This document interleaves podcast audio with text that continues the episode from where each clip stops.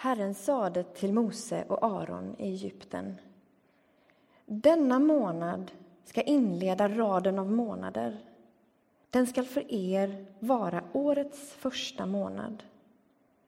Säg till Israels menighet att varje familjefar den tionde i denna månaden ska ta ett lamm eller en killing, ett djur för varje hushåll. Men om hushållet är för litet för ett helt djur ska husfadern och hans närmaste granne tillsammans ta ett, ljus, ett djur, allt efter antalet personer. Ni ska göra beräkningen med hänsyn till vad var och en äter. Djuret ska vara felfritt, årsgammalt och av hankön och tas från fåren eller från getterna.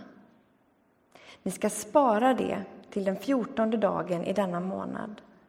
Då ska hela Israels församlade menighet slakta det mellan skymning och mörker.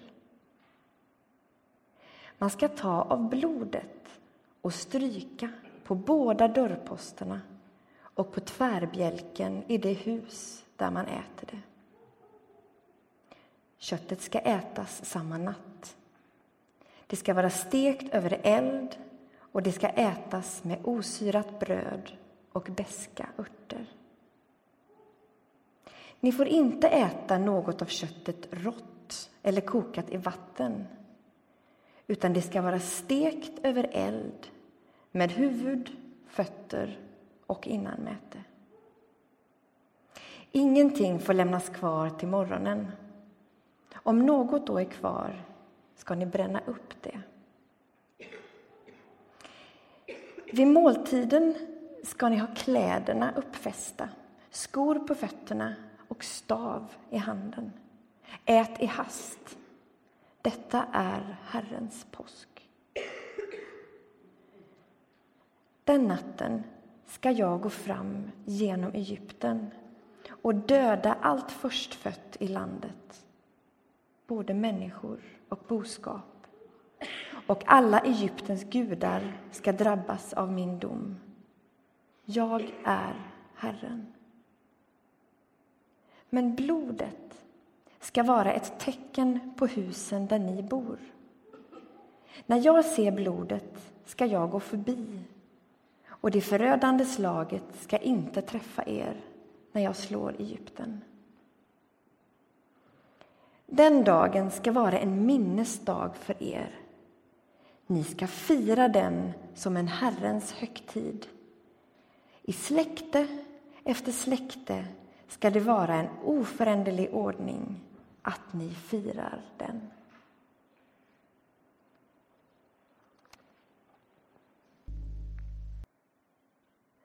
Första dagen av det osyrade brödets högtid kom lärjungarna fram till Jesus och frågade Var vill du att vi ska ordna för påskmåltiden åt dig? Han svarade Gå in till staden och hälsa den och den att er mästare säger Min stund är nära, jag vill hålla påskmåltid hos dig med mina lärjungar. Lärjungarna gjorde som Jesus hade sagt och de ordnade för påskmåltiden.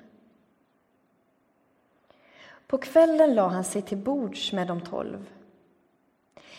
Medan de åt sa han Sannerligen, en av er ska förråda mig.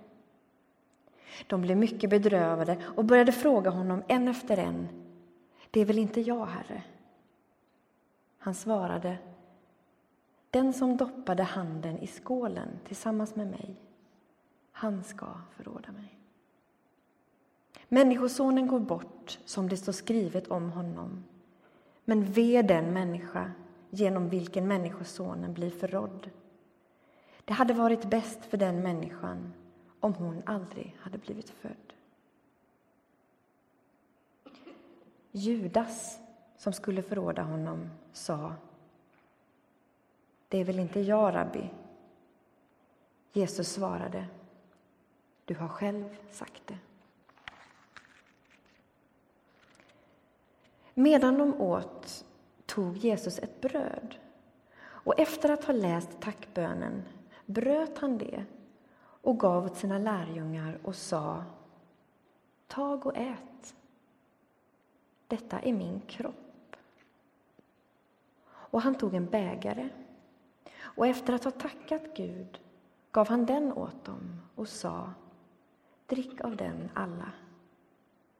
Detta är mitt blod. Förbundsblodet som blir utgjutet för många till syndernas förlåtelse. Jag säger er, nu kommer jag inte att dricka av det som vinstocken ger förrän den dagen då jag dricker det nya vinet med er i min faders rike. När de hade sjungit lovsången gick de ut till Olivberget. Då sa Jesus till dem.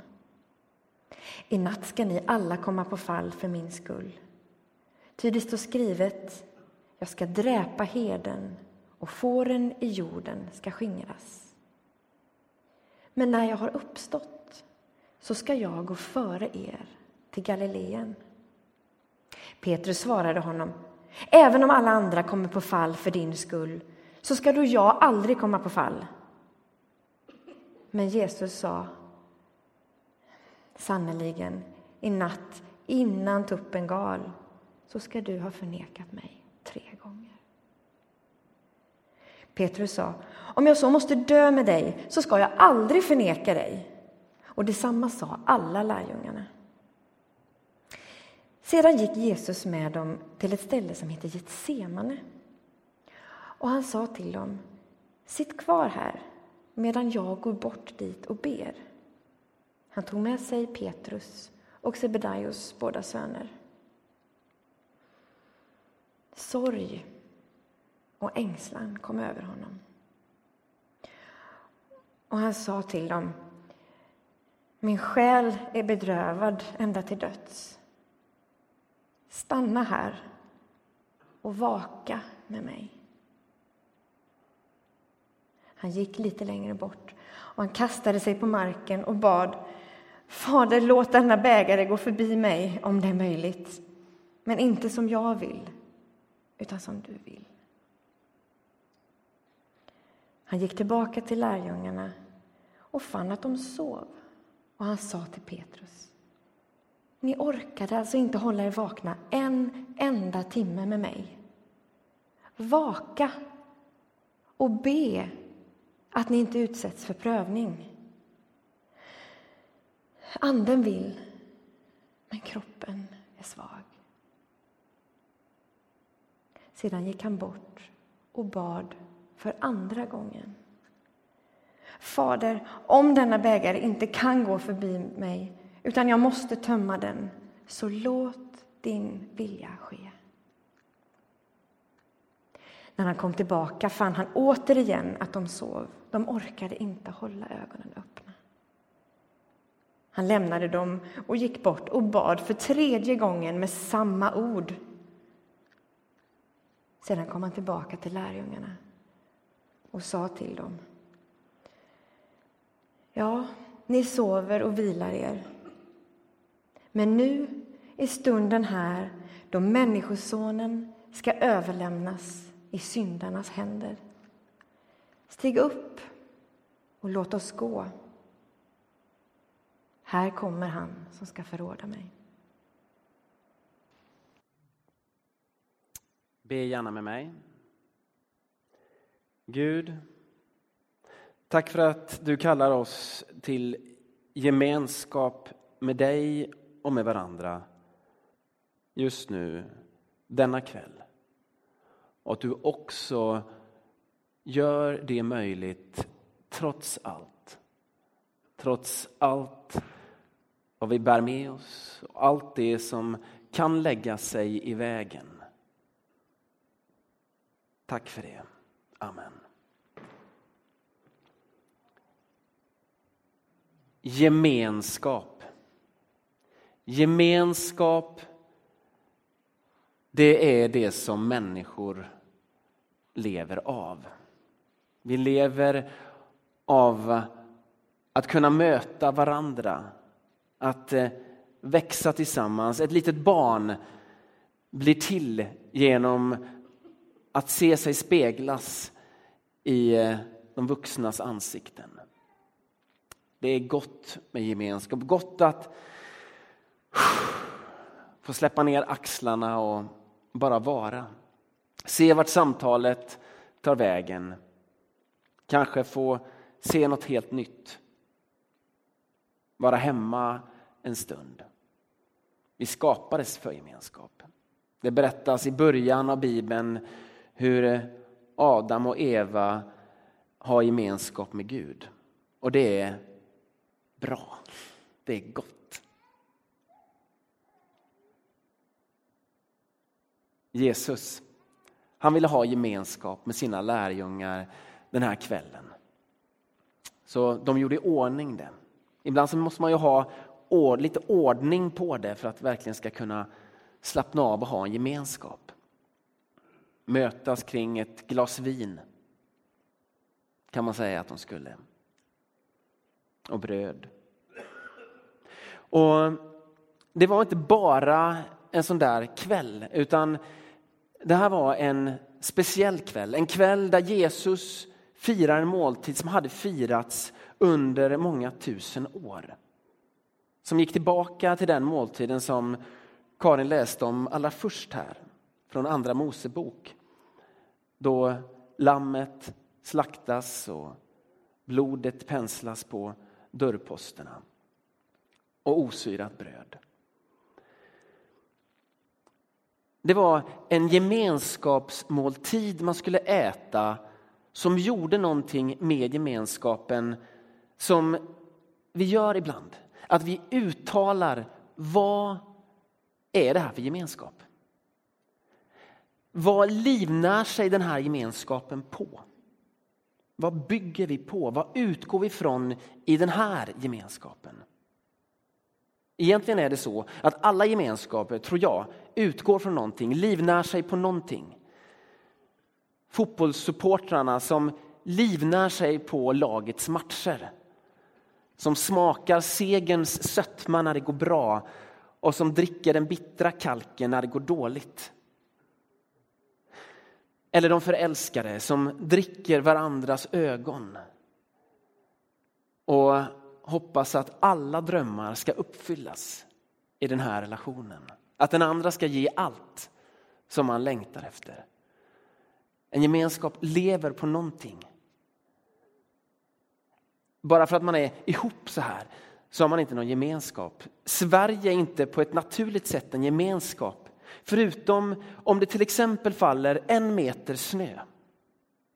För då uppstår det gemenskap. Därför då har vi ett gemensamt mål, ett gemensamt problem och så hjälper varandra att skotta fram bilarna och, och så delar vi någonting. Varje gemenskap är sådan. Och Det som Jesus gjorde den här kvällen var att han firade en måltid där man gjorde tydligt vad livnär vi oss på i den här gemenskapen? Vad driver den här gemenskapen? För judarna, de var och är experter på att göra det konkret. Att se till att gemenskapens utgångspunkt och mening och mål, att det görs tydligt. Inte bara genom en underskrift på ett papper utan genom att man åt sig igenom det som var viktigt för gemenskapen. I Andra Mosebok där beskrivs det, så här ska ni göra för att påminna er om vilken sorts gemenskap är ni. Ni ska göra så här och så här och så här och det här ska ni äta och det här ska ni ha på er. För att ni ska komma ihåg, för att ni ska bli den gemenskapen som ni är. Och det är det som Jesus går in i. Fast han ändrar på det. Han skruvar på de här maträtterna. En liten skruvning. Han säger att vinet som de dricker, det är hans blod. Det är inte längre det här lammets blod, utan det är hans blod. Och brödet som de skickar runt, det är hans kropp. Jag tror vi kan utgå från att lärjungarna inte var helt med på. Vad är det som händer här? Men de var med på grejen att men vi äter oss in i gemenskapen. Vi, vi tydliggör vad det här är för gemenskap. Det var de vana vid. Men precis vad det betydde, jag tror vi kan tänka att de fattar inte helt. Om du har svårt med vad nattvarden är för någonting så är du nog i gott sällskap, tror jag. Men sen är det någonting annat som händer som ställer till det för lärjungarna. Någonting som är djupt oroande. Den gemenskap som var deras, där de liksom var hemma, där de var så nära Gud de kunde komma. Så mycket hade ju faktiskt vissa av dem förstått.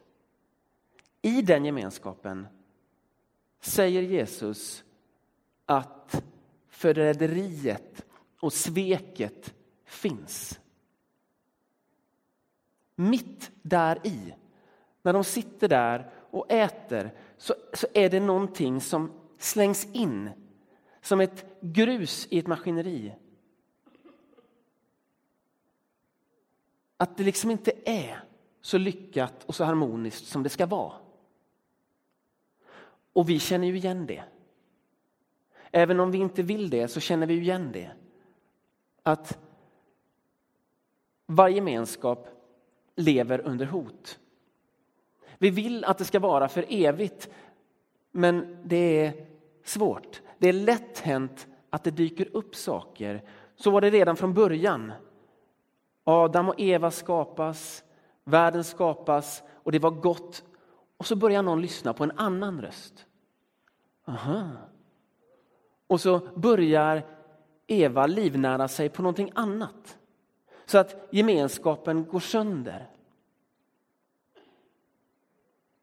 Och när det händer, att gemenskapen går sönder, hur reagerar man då?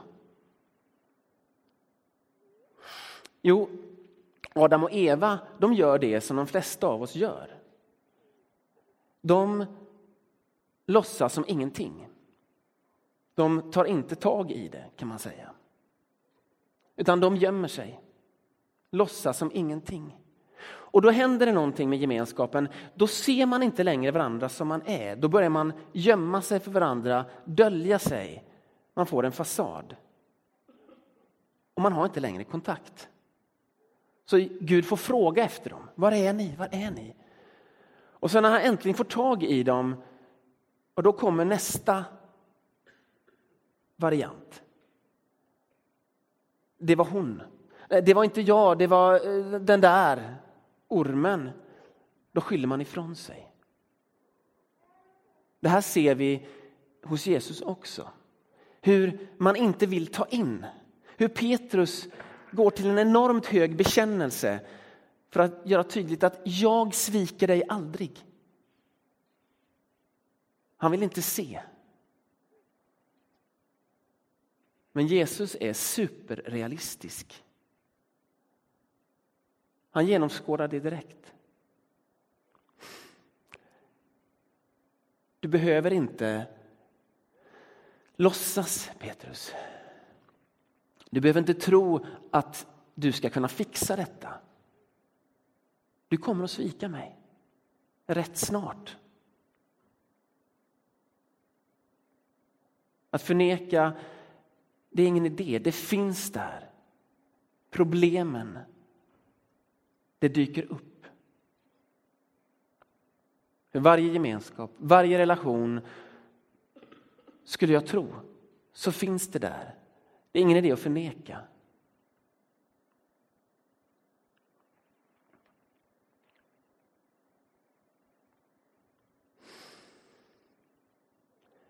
Men vad ska man göra då? För det finns någonting där och det är jobbigt. Det är jobbigt att ta tag i.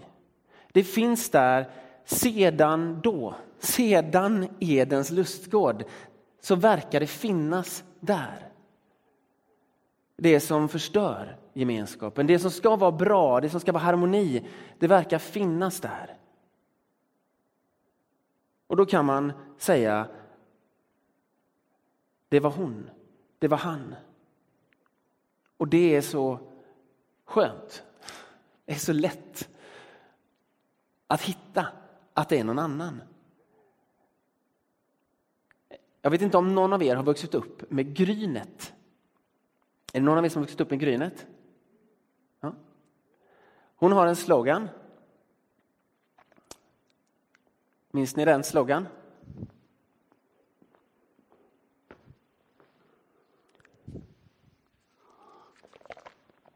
Det, det är en slogan som användes för att uppmuntra ungdomar så att de skulle, skulle tro på sig själva.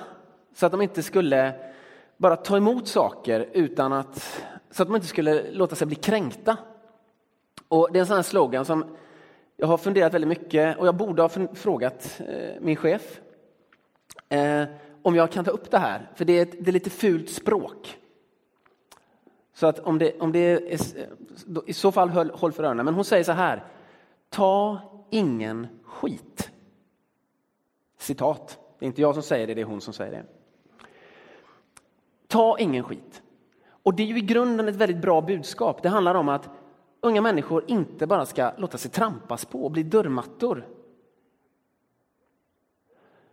Men om det är så att ingen tar skit, vem tar det då? För det finns ju där. Det behöver inte ens vara någons fel, utan det bara händer. Har ni haft en sån relation där det blir ett missförstånd och det skadar väldigt mycket? Alltså det skadar väldigt mycket, det skapar djupa sår. Och när man börjar bena i det efteråt så är det ingens fel egentligen. Ingen har varit ondsint. Ingen har velat någonting ont. Men det har blivit så. Det uppstår liksom. Så att vi får liksom, vi står där med citat skiten. För att så ser livet ut. Det händer i relationer, i gemenskapen, i vår värld. Vi pratar om Jesus nu. Vi pratar om den gemenskapsmåltid som han hade med sina lärjungar och där han säger någon kommer att svika mig, någon kommer att förråda mig och inte ens du Petrus kommer att kunna gå fri. Hur löser Jesus detta med citat skiten som är där? Jo, han går till en trädgård. Getsemane heter den. Och där så säger han, jag vill inte ta detta. Jag vill inte dricka denna bägare med smärta, med ondska. Men till skillnad från Adam och Eva så väljer han att fortsätta att lyssna på Gud. Han säger, sker din vilja, inte min. Din vilja, inte min. Jag vill inte detta, men jag är öppen för vad du vill. Och om jag måste ta det här, om jag måste ta skiten, så gör jag det.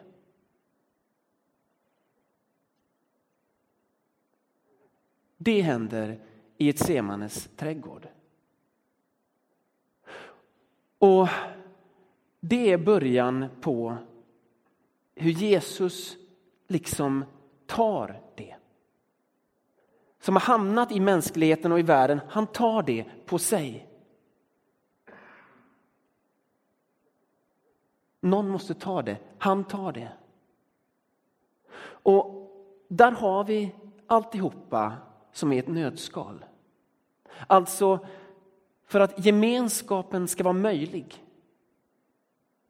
så måste någon vara i ett semane. Varje gemenskap har sitt Getsemane. Världens gemenskap har sitt Getsemane den kvällen där Jesus tar det. För att gemenskapens bägare ska kunna skickas runt vid bordet och skapa möjligheter till gemenskap, livnära en ny gemenskap på riktigt, realistiskt bortom drömmarna, så måste någon tömma bägaren i ett semane. för att det som hände en gång i Edens trädgård, för att det ska ställas till rätta måste någon göra rätt i ett semanes trädgård. Och lyssna på Gud, även om det kostar allt.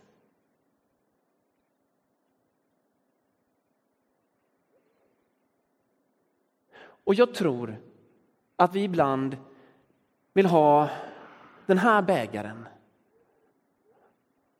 och inte se den andra bägaren. Den som är Getsemane. Vi vill ha gemenskapen men inte Getsemane. Och då kan man ju tänka, ja men Jesus har ju tagit det. Han har ju gått den vägen, det är ju färdigt. Men vad står det i texten? Det står, följ med mig. Följ med mig och var med mig. För jag känner mig ensam. Vaka med mig och be med mig. Lärjungarna de orkade inte med det. Det hade varit en lång dag, typ. De somnade. Men den inbjudan, den står kvar.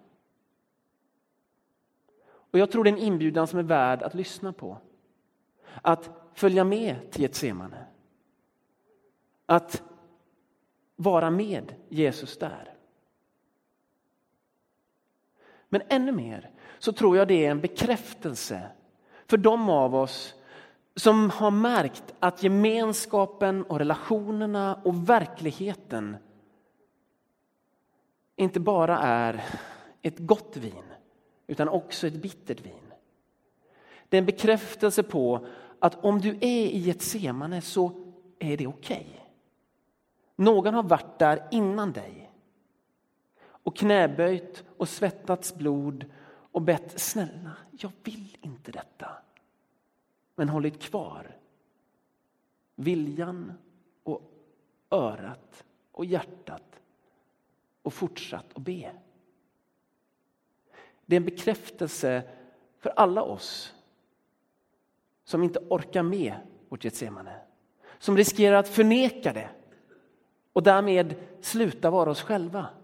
Alla oss som hellre vill peka på någon annan och skylla ifrån oss för det sitter i kroppen. Att vi behöver inte göra det. Han tar det på sig och vi är välkomna att följa med dit, till Getsemane.